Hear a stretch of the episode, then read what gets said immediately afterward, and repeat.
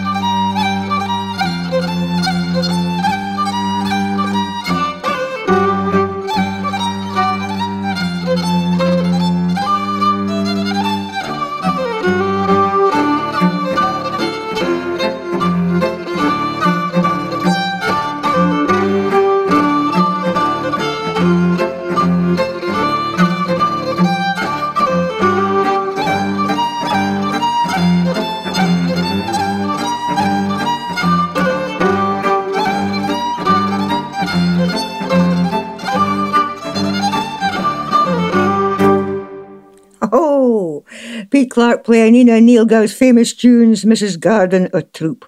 And we'll hear more stories and tunes for Pete in this episode and plans for the Niel Gow Festival.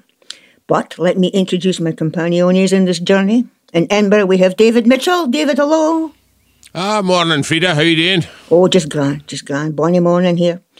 In Edinburgh, in the B&B studios, welcome to Professor Gary West. Gary, are you there? I am here. I'm here. Yes, a wee And- sneeze or snow here in Edinburgh today, but uh, uh, I'm nice and cosy and warm in this studio or Richie's here. There's a wee sneeze of snow up here as well, but nae a lot, nae a lot. But I- I assume that Richie's been nice to you, but we won't go into that too much. And the aforementioned Manny that steers us through the soon ways for his B&B studios in Edinburgh. Come in, Mr. Richard Werner. It's me. How are we doing, folks? It's you, it's you. Is Abdi fine with you, Richie, then? We're all grand. Yeah, the girls were awfully delighted to see that wee dust in the snow this morning down here. It was it was just a oh, wee packet of trifle. It was like someone had taken the wee uh, kind of wee sugar sort of duster going toof toof toof over the cars and that was it. But oh, they were fair thrilled, I tell you. I've two inches sitting here in Corstorphine. You, you've got a mild climate down there in Leith. I tell you, it's scuttering down here, nobody's business. Everything that has to be bigger in Corstorphine, Davy. It has to be bigger. Okay, and it gives me great pleasure to introduce to you our special guest, Mr. Pete Clark. Welcome to Scots Radio, Pete. Ah, good morning, Frieda. We eventually got hold of you on on the magic the magic waves. Richie was plugging you in, and we found you. We found you. Aye, technology is not my best friend, you know. A wee bit of gaffer tape, aye, comes in handy. Eh? Right. always, always. Now, before we get into Pete and hear more about the Fiddler Niel Gow and if it's been planned for the Niel Gow Festival, earlier on I mentioned the storms and the high winds we've been hearing. And how can I name mention this? No electricity for seven days, folks. No electricity. Nothing. But in the midst of mayhem, we listened to experts speaking about force 10 gales or 8 or 9. And this is for the Beaufort system of measuring wind. Now, when I went to 10 Mayor, I came to the font of all knowledge, the man himself, Mr. David Mitchell. Tell us more about the Beaufort system, Dave. Well, as you said, it, it's the Beaufort system. It was named after Rear Admiral Francis Beaufort, who published it in 1805. And it, it basically gives you an idea of the wind speed based on observations made with your naked eye. And the scale runs from 0 to 12. Hmm. and at 0, the smokes can out of your lum and gone straight up. And at 4, you get a moderate breeze with the wee branches just dancing about. And at force 5 or 6, you kind of see bigger branches moving and crested wavelets on inland mhm. water. And by the time you get to 7 and 8, well, it's getting difficult to walk and there's big twigs fleeing about and you can't use your brolly. And at 9 and 10, the slates are coming off. But it's all based on what you see with your naked eye. So hence you can two folk leaning on a gate and the saying to the other, aye, it's a six, definitely a six. And the other one says, no, no, no, no, it's a five. No, no, it's a six, man. Look at the big branches dancing and moving about there. it's all open to personal interpretation. But what it does do, it teaches you to use your eye and look Aye. at nature and look at the wind. Never will I forget coming over the, the top of Lewis in a force 10 gale on a, on a, on a yacht. It Well, was I, just I never too worry much. about it unless it's above force eight. When I see it getting above force eight, I'm thinking about hunkering down and making sure things in the garden are tied down and garage doors are shut and sick like. So it's about force eight. You get the flying trampolines, Dave. Ah, now there's that that could be a new observation. Fleeing trampolines, force eight, nine, you know. Is it nine or ten to take off? I wouldn't like to say about It's a that. wonder. That's my next experiment. Eh? Aye. Okay, thank you, Dave. This is Dougie MacLean with appropriate song, Ready for the Storm. Oh, the waves crashing and the tide pulls out. It's an angry sea, but there is no doubt that the lighthouse will keep shining out to warn the lonely sailor. The lightning strikes and the wind cuts cold through the sailor's bones to the sailor's soul, till there's nothing left that he can hold except the rolling ocean. And I am ready for the storm. Yes, sir, ready. I am ready for the storm. Ready for the storm.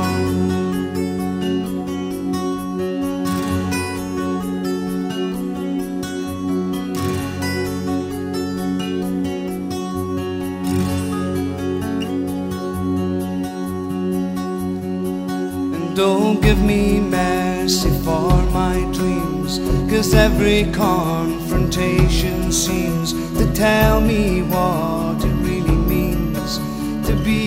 this lonely sailor. And when you take me by your side, you love me warm, you love me, and I should have realized I had no reasons to be frightened. And I am ready for the storm. Yes, sir, ready. I am ready for the storm. Ready for the storm.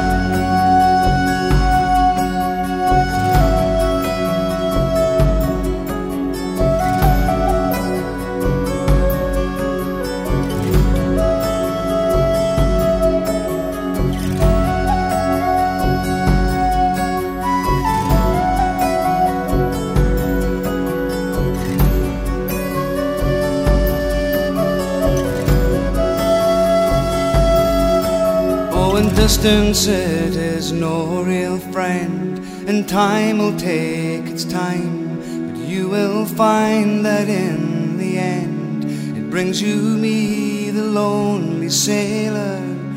And when the sky begins to clear and the sun it melts away my fear, I'll cry a silent, weary tear for those that need to love me.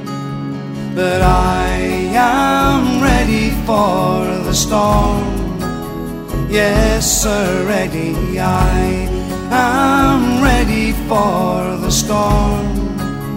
Yes, sir, ready. I am ready for the storm. I'm ready for the storm.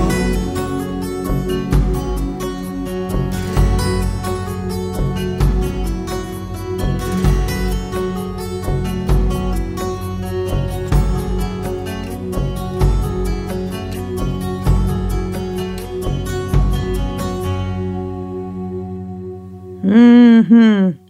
Dougie MacLean, we're ready for the storm. Great song.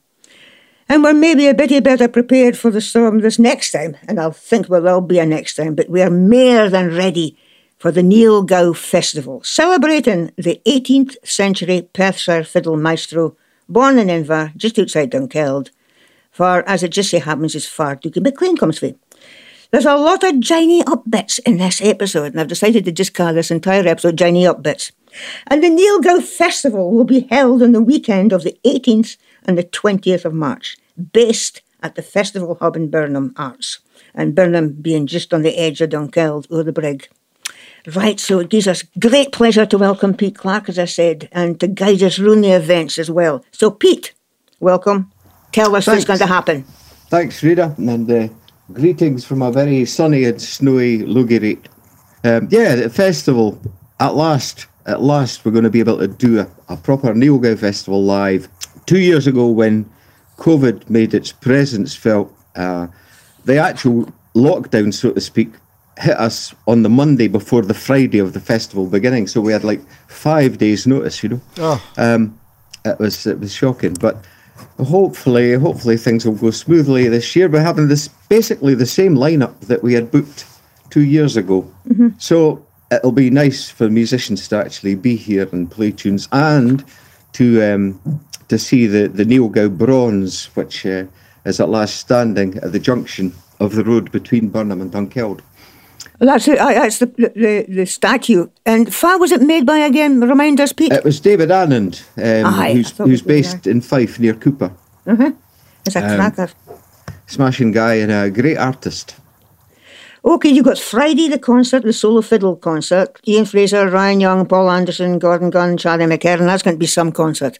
That's Aye, aye. right, Friday, Friday night's one of my favourite concerts because it is what it says. It's solo fiddles, no guitars, no pianos, just one guy standing there playing his fiddle or her fiddle, and um, it's always a, a highlight, you know. Um, Aye. uh, when I, when I started doing that, people were sceptical. They thought, "Is that not going to be off board and just someone stand playing a fiddle?" No, no.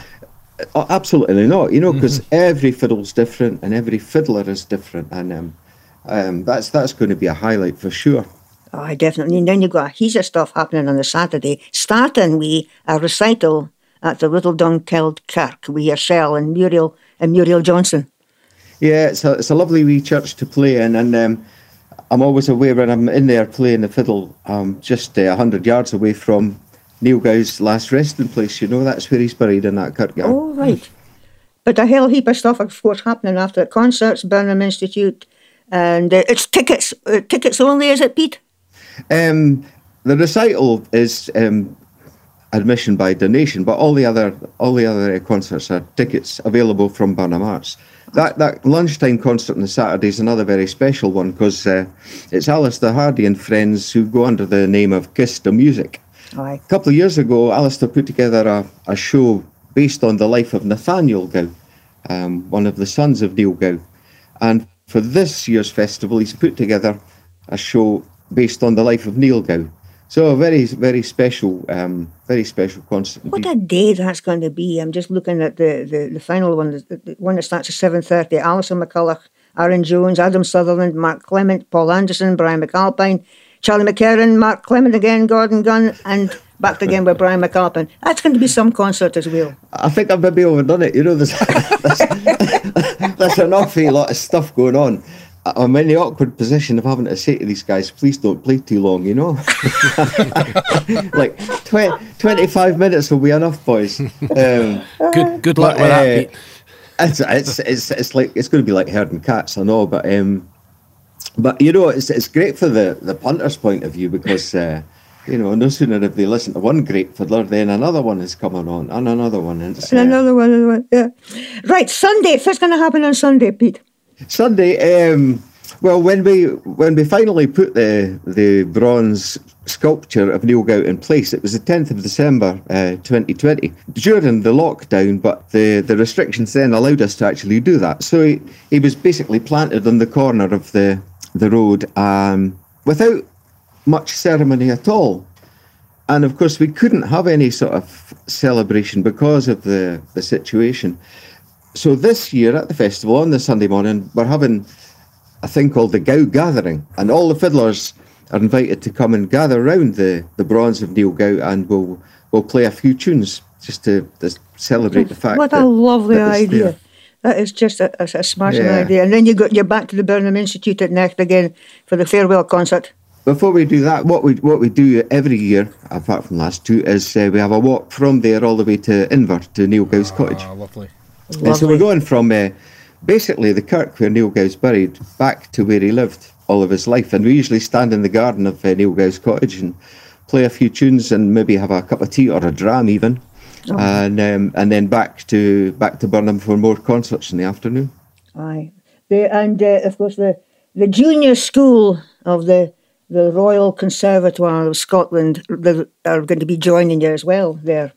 Yeah, it's, it's always nice to involve uh, young people if we can, you know. And um, the the junior school of the RCS, they've they've they've performed on quite a few occasions. Of course, every year it's it's different, you know, different bunch of students, but but they're always great, and it's always. Um, I think they always enjoy the experience of being Dunkeld, uh, meeting and playing with other musicians. It's going to be a grand weekend, March the 18th and the 20th. And congratulations for that, Pete.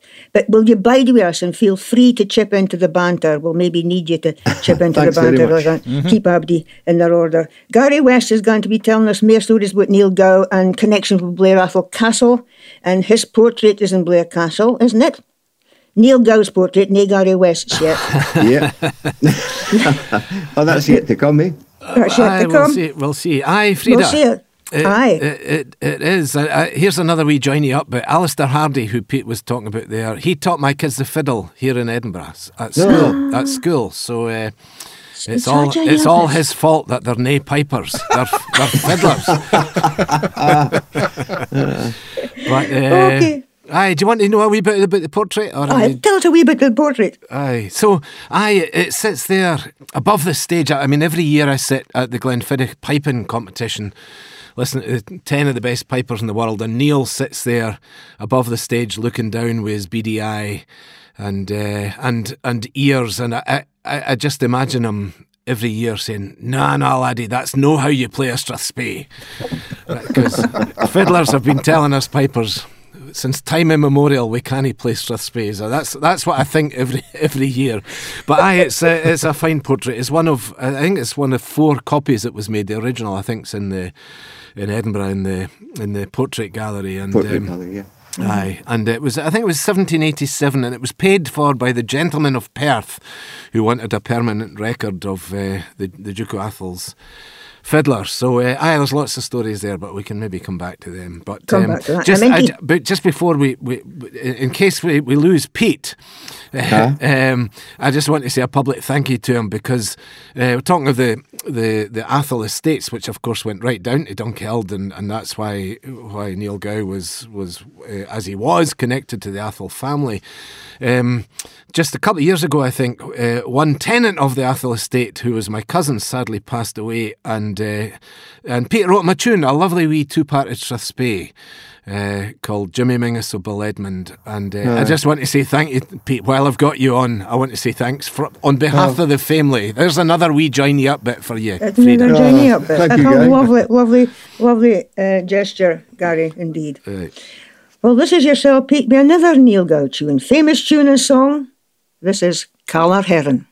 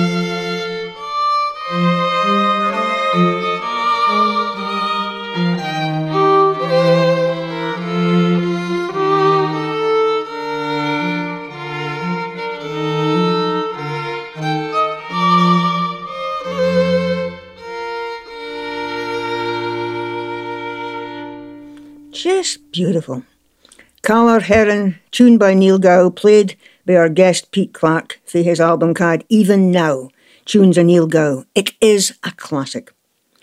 And that particular tune, Caller Herrin, is a famous song, of course, written by Carolina Oliphant, or Lady Nairne. For we heard about the Freeland Barbour a wee while ago in his bonny new book about Lady Nairne. Now, she was a big fan of Niel Gow as well, and as I said earlier, this is the year of stories. So, to our next journey up bits, and that involves Blair Atholl Castle, just up the road from Dunkeld and Birnam. And I welcome to the stage, again, Gary West. Gary, fit are the links, fit your stories.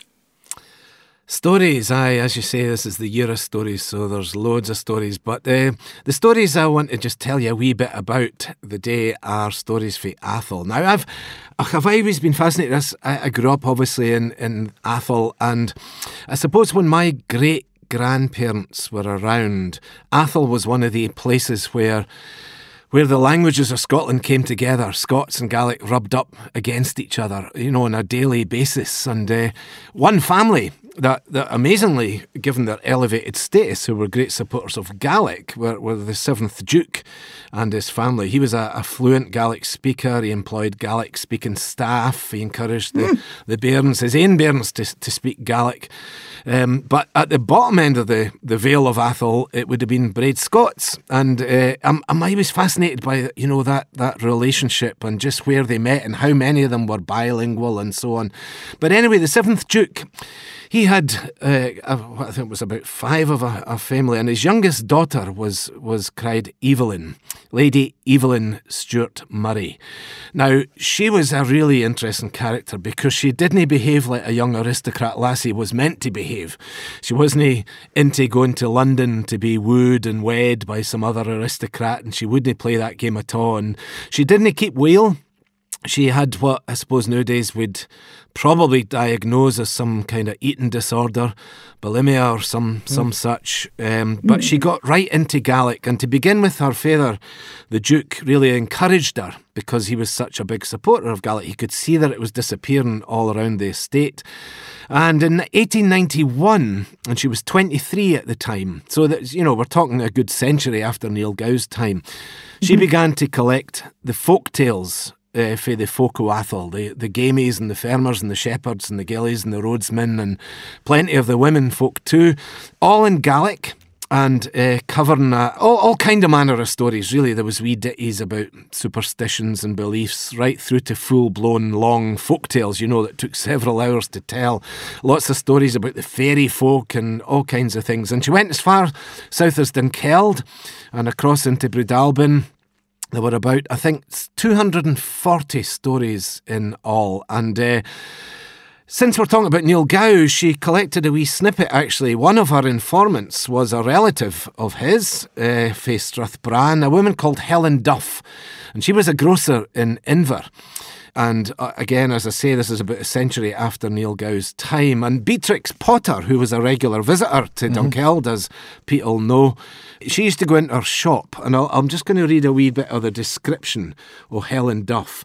She was one of these people I was talking about who would have been a Gaelic speaker, but her English, when she spoke English, would have been broad Scots. And anyway, she, she uh, as I said, was a grocer in Inver. And uh, Beatrix Potter, here's a, a, wee bit for the book that's describing Helen Duff. Be- Beatrix Potter, a regular summer visitor to the Dunkeld area, knew the shop well and wrote in her journal about Benjamin Bunny, that was her, her pet rabbit, and a local man who's constantly given peppermints, uh, which I suspect are pilfered from his sister in law, Miss Duff. Anyway, Beatrix described Helen Duff as a funny old body, tall and slow, with her mouth full of dough, with a roly poly gait and a deliberate elaborate courtesy of speech. Come in by, come in by, Miss Potter. Come in by and sit yourself down.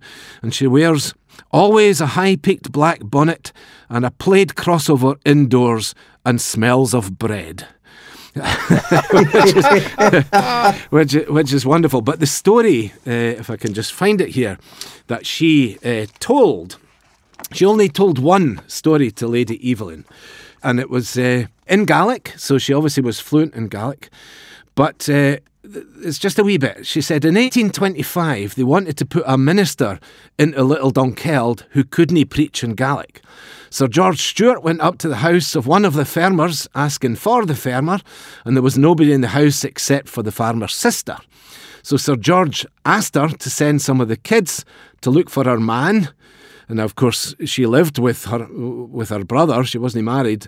And the reply he got was, "Thomas and me is no posta ava, nae parents eacher," which is, I think, what you would call a, a macaronic. It's half Gaelic and half Scots. So Thomas and me is no posta ava. We're no married ava, nae parents eacher the eacher meaning at all. We've nae bairns at all. Here's a, a, beautiful wee example, I think, wow. of of the Scots and Gaelic coming together. Um, anyway, there's loads and loads of stories. I could I could recite them all day. And there's another one for Pete's neck of the woods for uh, Pete Stewart for Balnaguard, which is in Little Dunkeld Parish as well. Um, he talks about when the uh, when the cattle went dry and it was thought that some spell had been put on them, that they would build what was cried a need fire. Uh, and they would all, all the, the, the farmers from all the neighbourhood would drive their cattle but, uh, through this fire or between two bits of the fire to send them, to, to cure them, as it was. And then everybody in the in the local area would extinguish their hearths, and they would then all relight their hearths for this one fire, this communal fire. That's a really powerful symbol of neighbourhood, of belonging. They were literally people of one fire. So anyway, one our stories fire. are full of all of this oh. beautiful oh. stuff of folklore and tradition for Atholl. And she wrote them all down in, in notebooks, which were eventually um, donated after her death to the School of Scottish Studies. Uh, and there's a beautiful, it's, it's, it took a long time to be published, but it was published about 10 years ago, um, sitting on my desk desk here, and it's it's lovely. It's called Tales from Highland Perthshire, collected by Lady Evelyn Stewart Murray. Now, she was just to finish off. She was a sad character in many ways, because her parents, the Duke and the Duchess, quite apart from the fact that she was ill, she didn't seem to be eating, uh, she wasn't playing the game of being a young aristocratic lassie, and to make matters worse, she was she was uh, hobnobbing with all the the pair folk of the of the estates. They couldn't have this eventually, and they they sent her away abroad. And there's local folklore actually of the day she left, and she was screaming and wasn't wanting to go into the carriage. Eventually, she went, uh, and she never returned, except after her death in 1940 in her coffin, oh. and she is she is buried up there. An amazing woman, uh, and has done a huge service for the folklore and the stories of Atholl. And I would recommend anyone go and get this book, Tales from Highland Perthshire. It's a cracking, cracking tale mm. yourself. Uh, Gary, thank you so much for this because you're you're delving in. I was going to ask Farkin folks hear the stories, and, and I, I kind of remember they were in the archives in the School of Scottish Studies, but I didn't again about the book. This is fascinating stuff. Aye, so uh, we had a nice wee launch of the book about 10 years ago. It was edited by Sylvia Robertson and Tony Dilworth. Sylvia's mm-hmm. local to Atholl, and Tony's a, a, a retired academic now in Edinburgh. And uh, they've done a, an amazing thing. It's all in Gaelic with translations. Uh, and when we launched it, actually, people might know of uh, her sister, who was a great collector of also, but of tunes, of, of manuscripts. Mm-hmm. Um, so that was Lady Dorothea Stewart Murray. There's a famous pipe tune that was written by former pipe major of the Atholl Highlanders, uh, Anish Rose, who's also in this book, actually. He was also a storyteller. Uh, so I thought that she deserved a wee tune. So I wrote her a 6 8 March when we launched the book. Uh, it's never, apart from playing it that day, it's never seen the light of day because I'm no awfully happy with it. It needs a wee, uh, mm. and, and, and this is reminding me that I must go back and dig it out and make it better. Make it better because she deserves a good tune. When you are happy with it, could you come back to us and we'll play it? I'll come and play it, aye, and I'll Let teach it to Pete. It. I'll teach it to Pete too. well, thank you very much for that, Gary. That's just fascinating, as I said. We're really enjoying your tales. Right, earlier on we heard from Dougie MacLean with a song Ready for the Storm. This is a song for the pen of another one of my all-time favourites, Michael Marra. A song that Michael wrote about Dougie sitting under the fiddle tree. This is Niel Gow's Apprentice. Oh, no more will I rove, no more, it's over. Oh, no more will I rove, no more, it's done. I Sit beneath the fiddle tree with the ghost of Niel Gow next to me. Listen, Niel, the apprentice has begun.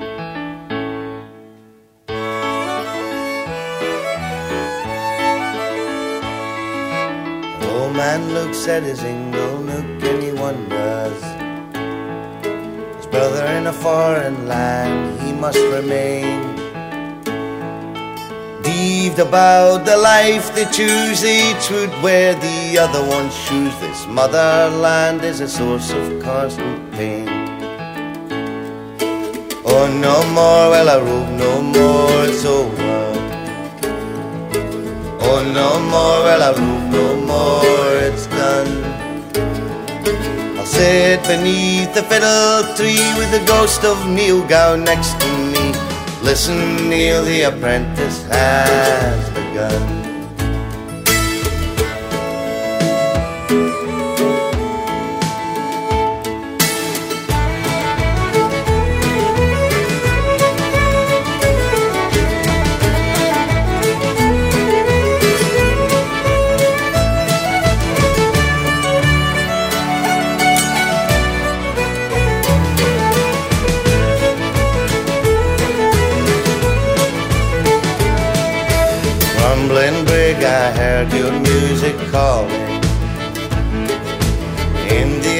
Outback, still I have your song.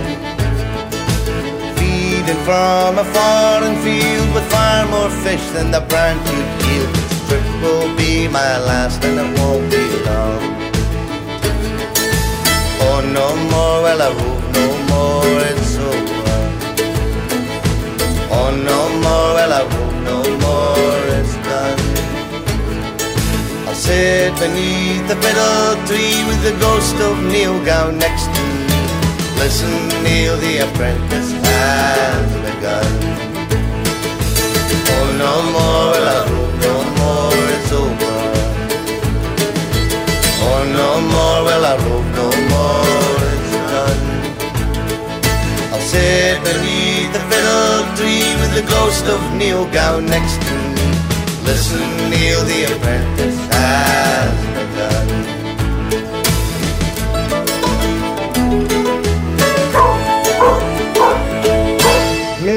Sitting under the fiddle tree with the ghost of Niel Gow next to me. Listen, Niel, your apprentice has begun. Fab.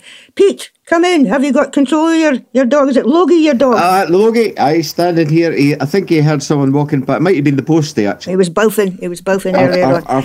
Right. Aye, no, the fiddle tree. Where is it? Far's the fiddle tree? Because folk think it's the Birnam Oak. It's near the Birnam Oak, though, is it? It's not. No, the Birnam Oak is the big, massive one downstream of Dunkeld Bridge. All right. Um, but if you walk upstream about a mile until you're opposite Dunkeld House, the big, the, what is now a hotel, um, that's where Niel Gow's Oak is. And if you were to walk away from the river, from that oak tree, you'd, you'd come to Niel Gow's cottage in about uh, five minutes.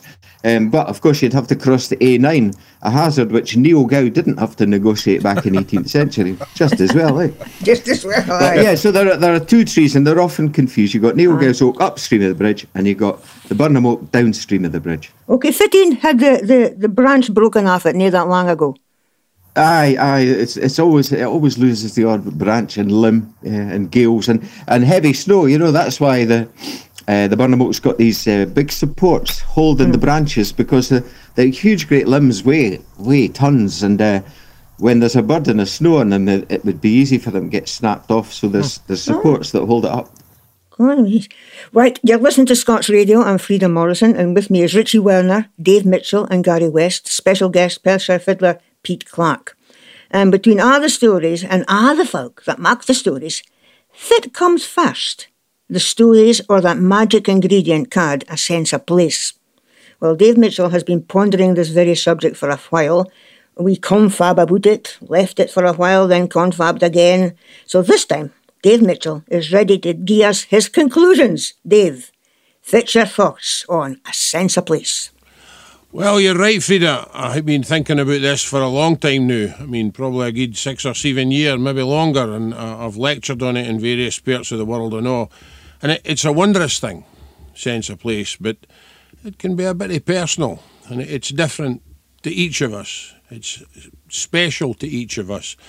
But I, I like the way the American writer and cultural historian Rebecca Solnit describes it. It's the best description I've seen. Sense of place is a sixth sense, an internal compass and a map made by memory and spatial perception together. That's quite a complicated statement, but it is that internal compass and that awareness that you have of space and how you make that into a memory. I like to sum it up by saying it triggers the memory of my feet. It's a physical and emotional experience from deep inside that leaves a meaningful memory that connects me to the living landscape, a structure, or maybe even an object. You can, you know, my deepest, I think, is for a place called Zumwalt Meadow in Kings Canyon in California. Uh, somewhere that stored John Muir's heart. My wife Kate and I, I mean, I went, we went there one morning about five o'clock, just after dawn, when the sun was rising and the mist was lifting. And I'll never forget standing on the edge of this huge meadow. Oh, it was the size of three or four football pitches. And all round it was an arc or maybe 50, 60, aye, maybe even as many as 80 giant sequoia trees, Wow. each over 150 feet high.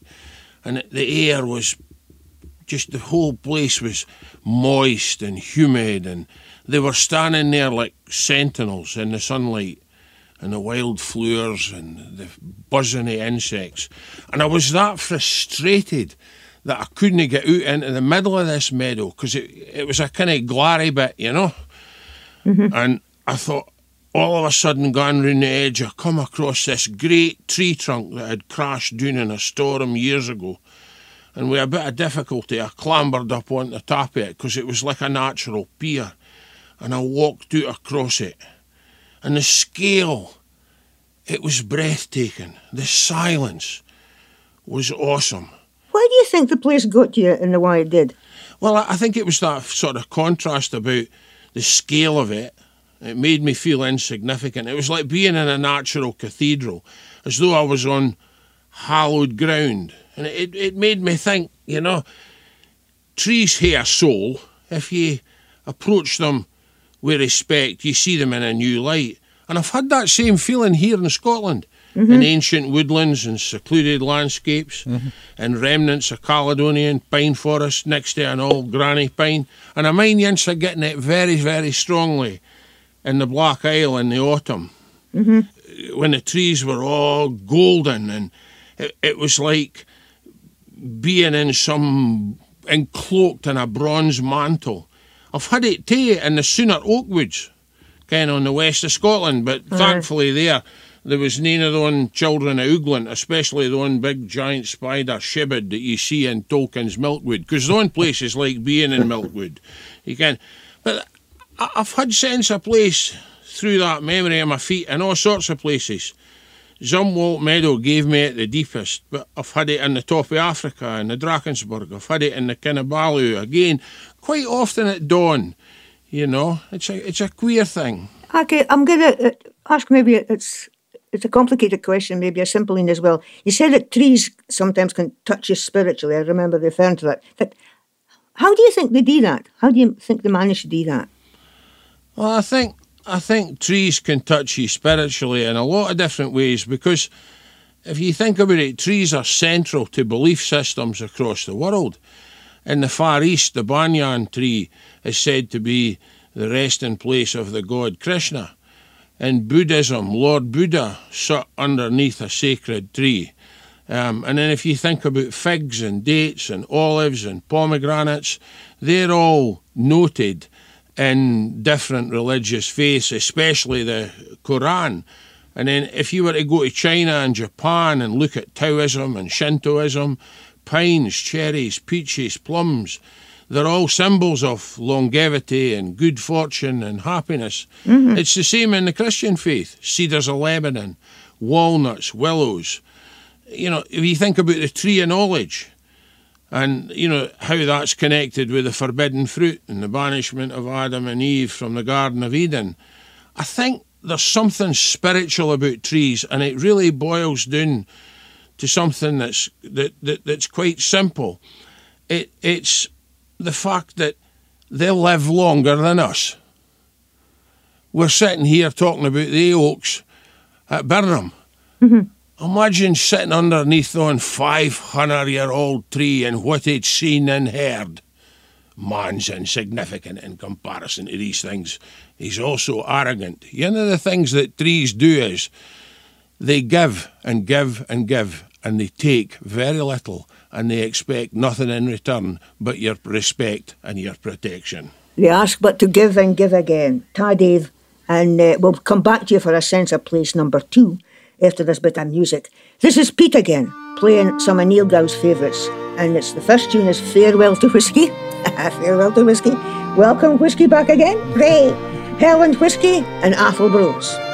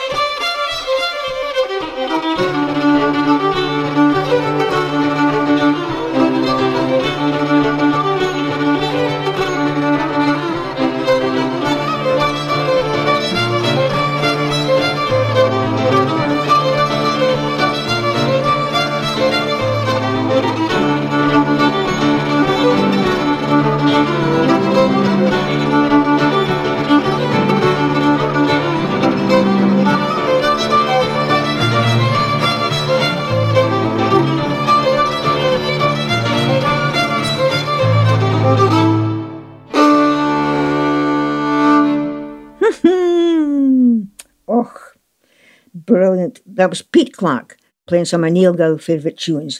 First tune, Farewell to Whiskey, Welcome Whiskey Back Again, Highland Whiskey and Atholl Braes. That was just lovely, Pete. Now, the middle of that, uh, Dave Mitchell said, just thinking, we were speaking about trees earlier on, he said, just imagine, nae trees, nae fiddle. And Pete, you come in with a lovely story about how you were playing that particular that particular set of tunes and about the fiddle. Tell us that again. We re- made that recording, and I think it was 1997. Aye.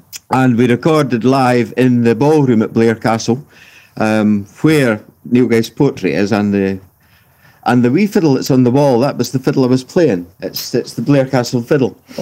Uh, and for that recording, I, I strung it with uh, gut strings. Well, I was lucky at the time; I was able to borrow it and play it in for a couple of weeks before we did the recording. You know, so so when we came to record, we set up as if we were going to do a gig, and uh, just sat and played in the ballroom. Um, and of course, it's a f- fantastic acoustic uh, space in there. Interestingly, a lot of folk think, oh, Niel Gow must have played in that ballroom a lot of times. Well, Niel Gow was never in that ballroom because it wasn't built until 1850, you know. But um, but for sure, if uh, if it was in the on the go when he he was uh, alive, that's where he would have been playing for dancing, you know. But um, it was it was quite a feeling. I still remember just sitting there in front of the, the portrait, holding that fiddle, which at one time was held and played by the great man himself. I love that story. There's a few there's a few different Niel Gow fiddles, you know, and um, that that's the Blair Castle one. There are several others, and I've I've got one just now which I borrowed for the festival, which was Niel's favourite fiddle at the end of his life, and it was based on a pattern by a chap called uh, Gasparo Bertolotti, better known as Gasparo uh, da Salo. Now, Salo's a town in Italy, and um, Bert- Bertolotti he went to make his fiddles in uh, Brescia. Um, but there must have been lots of Italians called uh, Gasparo. So to distinguish him from other Gasparos, they called him Gasparo da Salo, Gasparo from the town of Salo. You know. So that, see these stories, they, they, they are they're just gold dust, aren't they? They, they are part of our history. And when you, you hear the, the fiddles being played and you hear the stories behind them, it just adds to that layer of history that we've we've come to to really value, I think, over the years. Thank you very much for that, Pete. I was saying, David was talking about, you know, how, how the trees like the Birnam Oak, just to think of the things they've seen, inverted commas, you know. And fiddles are the same. Um, I always like the, the, the phrase that a fiddle player doesn't really own a fiddle, he's just looking after it until uh, the next generation comes along, you know. And the, the fiddles are the same fiddles that were made in the 1700s. They've they've seen fiddle players come and go, and they could have stories to tell, you know. There's a novel there somewhere, eh? oh, aye. Well, it's a bit like there's a fantastic film called The Red Violin, and that's kind of like that, you know. Aye, aye. Apparently, uh, Aberdeenshire, I'm, I'm not saying because this, I'm biased, but there was a big history of fiddle makers in Aberdeenshire and Aberdeen. And uh, uh, there's a man I know called Ian Gregg who kens a about that. And maybe you'll hear Ian on the programme sometime with yourself, Pete, to speak about the history of fiddles in Scotland. But he's he's a fast, fascinating guy and just a font of knowledge about the ancient fiddles that were made up here. Wonderful. Now then, back to Mr. David Mitchell for Sense of Place, Chapter 2. Now, we spoke about, you know, the importance of trees and sense of place, of spirituality.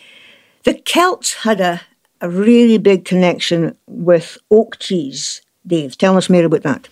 Well, aye, you're, you're right, Frieda. The, the oak was sacred, and definitely where oaks grew and the groves they were in would be places with a sense of place for the Celts. And actually, the oak tree right across Western Europe is one of the most kind of sacred trees. In, in the past, the, to the Greeks, it was the home of the Dryads, um, sort of woodland spirits, and Pliny the Elder, he writes in his scholarly notes about its sacred significance in different parts of Europe, including to the Celts, and he actually describes a druid climbing up into the tree to cut mistletoe it, from it on the sixth day of a waxing moon and catching it in a in a white cloth. And of course, mistletoe was the gift of the Celtic god. It was seen as a source of energy and power and strength. And oak groves, you know, they have a magical feel about them, and they were said to have healing powers. Young couples often chose to get married in them. And I think that would add to their sense of place as well. Now, a, a, an interesting thing is just coming into my head this morning listening to everybody else. I bet when you play a particular fiddle, you're left with a sense of place. And that's because that object has been used by many different people. It has its own journey, its own narrative, and it leaves you with a feeling. And different fiddles will leave players, I suspect, with a different feeling. There'll be a sadness to part with some, a greater sadness to part with others, and ach, I'm not too bothered about that, Ian, when another one goes, and it all depends on its journey. But I mean, trees, I think, as, as I've said, they're a good model for living. If you think about it, and the tree of life itself, and trees themselves, they're generally rooted, resilient, strong, dependable, and long live. And they gone about their business, minding themselves, and they didn't ask for much, except our respect and occasionally our protection. We just shouldn't take them for granted, nor mm-hmm. should we take wood for granted. Mm-hmm. Timber's a very valuable thing. Right now, David, this is a, a mere personal question. Fit about your own place. far as your place that gives you that sense of place? Ah, Frieda, I don't know. There's loads of places. There's places near our home. I mean, all the bits I've spoke about. Talking about Persia, since we're talking about that that air, a mine against gone to Drummond Castle, first thing in the morning, just as the mist was lifting, and you couldn't see the garden, which sits about a hundred feet below the castle, with all its geometric wonder and then just as the mist lifted, you could start to see it emerging. And I walked down into it that morning, and the silence was that loud, you could have heard a feather dropping. But there's loads of places like that in Scotland, Kilmartin Glen, or even if you take a natural wonder like Suilven and Assynt, or you know, we, I mentioned Kilmartin, the standing stones there. But you know, you can go out in your own garden in the middle of the city, in the middle of a village, and you can just sit down, maybe look at a speeder's web and see the dewdrops on it. Really finding a sense of place is about slowing down and teaching yourself to let your inner compass spin. And if you do that in the right place, you'll get deep and lasting memories that you'll treasure forever. Thank you, Mr. Mitchell. As always, you just make us think. Now, I said earlier that Dave and myself have been mulling over the subject of stories and the sense of place for a while, and fit, fit marks it. And I ken somebody else for also identifies with that special sense of place. Singer, songwriter, for we heard earlier, Fa Michael Marra referred to as, as Niel Gow's apprentice. It is, of course, Dougie MacLean. If I just happened to come through Dunkeld, there's another Johnny up bit, by the way, Johnny up bit. And it just happened that Dougie and wife Jenny popped in past the other day to hear catch up, as Abdi is doing round about the country at the moment, and I was delighted to see them. And I got a present, Dougie's new instrumental album, Cad Flow, that he's recorded with his son Jamie. And it is just another cracker. Congratulations to them both. This is one of my favourites for their new album. This is The Druthy Burn.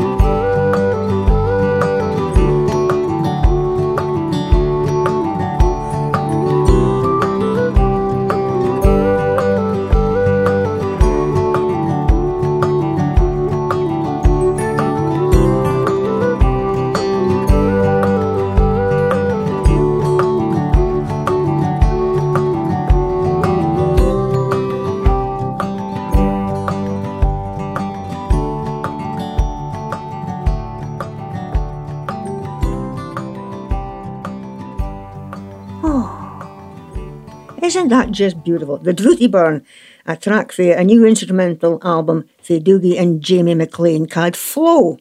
What an amazing album this is. It's full of music that's beautifully cinematic. You can see the landscapes and the water through the music. Ah, orchestrated, engineered and produced by Jamie. Bonnie album design based on Jenny's textile, have to mention this, the Wahangin called Uig Flow. And Dougie and family have been doing concerts every week since lockdown started for their home in Butterstone outside Dunkeld.